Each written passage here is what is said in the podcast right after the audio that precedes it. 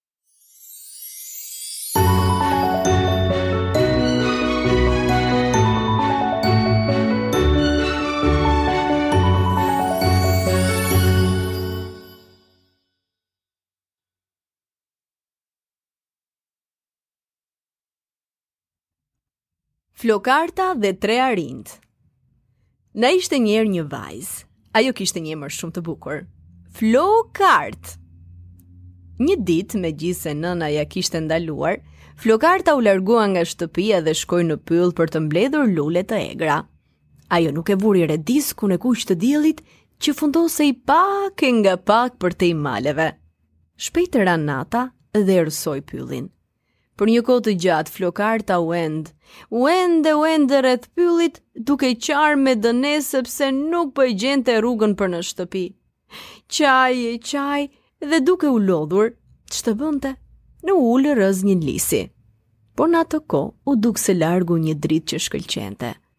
Atëherë Flokarta mori guximin dhe eci drejt saj. Më në fund mbërriti përpara një shtëpie të vogël të cilën s'e kishte parë kurrë ndonjëherë dhe aty mendoi të kërkonte strehim. Por Flokarta nuk e dinte. Kjo shtëpi banohej nga një familje prej tre arinjsh. Baba Ariu, nëna Arushë dhe Arushi i vogël, bebe. Kështu, hyri brenda, dera ishte lehtësisht e hapshme. Në kuzhinë ndodhej një tryezë dhe pranë saj ishin tre karrige. E para ishte e madhe, e dyta mesatare dhe e treta më e vockël.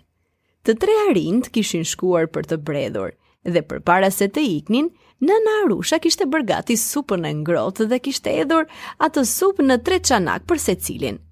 Çanaku i parë ishte i madh, i dyti me madhësi mesatare dhe i treti fare i vockël por ama shumë i bukur. Flokarta vështroi nga dritarja dhe meqë kishte shumë uri, ushqimi që kishin hedhur nëpër çanakë iu duk joshës. Shtyu derën, hyri brenda dhe ndjeu aromën e mrekullueshme. Wow, sa mirë qenka!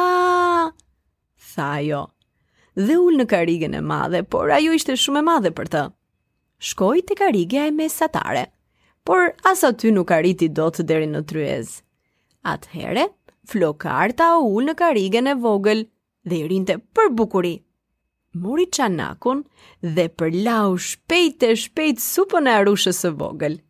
Kur e mbaroi, ndjeu Një lodhje deri diku sa mundet t'i flihej gjumë. Mendoi se do të ishte mirë të shtrihej. Hipi në shkallë. U fut në dhomën që kishte tre shtretër. I pari ishte i madh. I dyti mesatar. Dhe i treti një shtrat i bukur fare i vogël. Ajo provoi në fillim të madhin, por ky ishte tepër i madh. U ngrit, provoi të dytin, por edhe ai gjithashtu ishte i madh për të. Atëherë u shtri në shtratin e vogël dhe fjeti me grushtet e shtrënguar pranë fytyrës. Vetëm ta shihni. Arinjtë u kthyen shpejt. Meqë të bredhurit ua kishte shtuar oreksin, ata shkuan menjëherë për të ngrënë në tryezë. Dikush është ulur në karrigen time, Bërtiti babariu me zërin e vet kumbues e të trashë. Dikush është ulur dhe në karrigen time. Bërtiti nënë arusha me trupin mesatar dhe zërin jo fort të trashë. Dikush është ulur në karrigen time. Bërtiti arusha e vogël me zërin e saj të hollë. Pastaj hodhën sytë te çanaku i tyre. Dikush ka provuar supën time, bërtiti babariu. Mhm, dikush ka provuar edhe supën time, bërtiti nënë arusha. Dikush ka provuar supën time dhe e ka ngrënë atë, bërtiti me të madhe arushi i vogël me zërin e hollë gati për të qarë. Cili mund të ketë qenë vallë? Bërtitën njëherësh të tre arinjtë. Babariu vrapoi për tek shtrati i vet. Hmm, dikush është shtrirë në krevatin tim. Bërtiti përsëri ai. Nënë arusha vrapoi tek shtrati i saj mesatar. Dikush është shtrirë edhe në shtratin tim.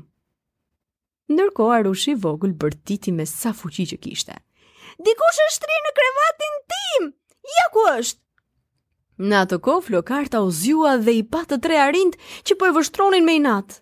Ajo u lahtaris aq shumë sa kërceu nga shtrati, zbriti shkallët me shpejtësi sa nuk i kishte marrë kurrë mendja dhe shpëtoi duke u futur në pyll. Të nesërmen, Flokarta u takua me një druvar, i cili me sopatën në krah shkonte për të bërë dru dhe i tregoi se çfarë i kishte ndodhur. Meqë ai e njihte pyllin si në pëllëmbë të dorës, e përcolli vajzën gjer në fshat.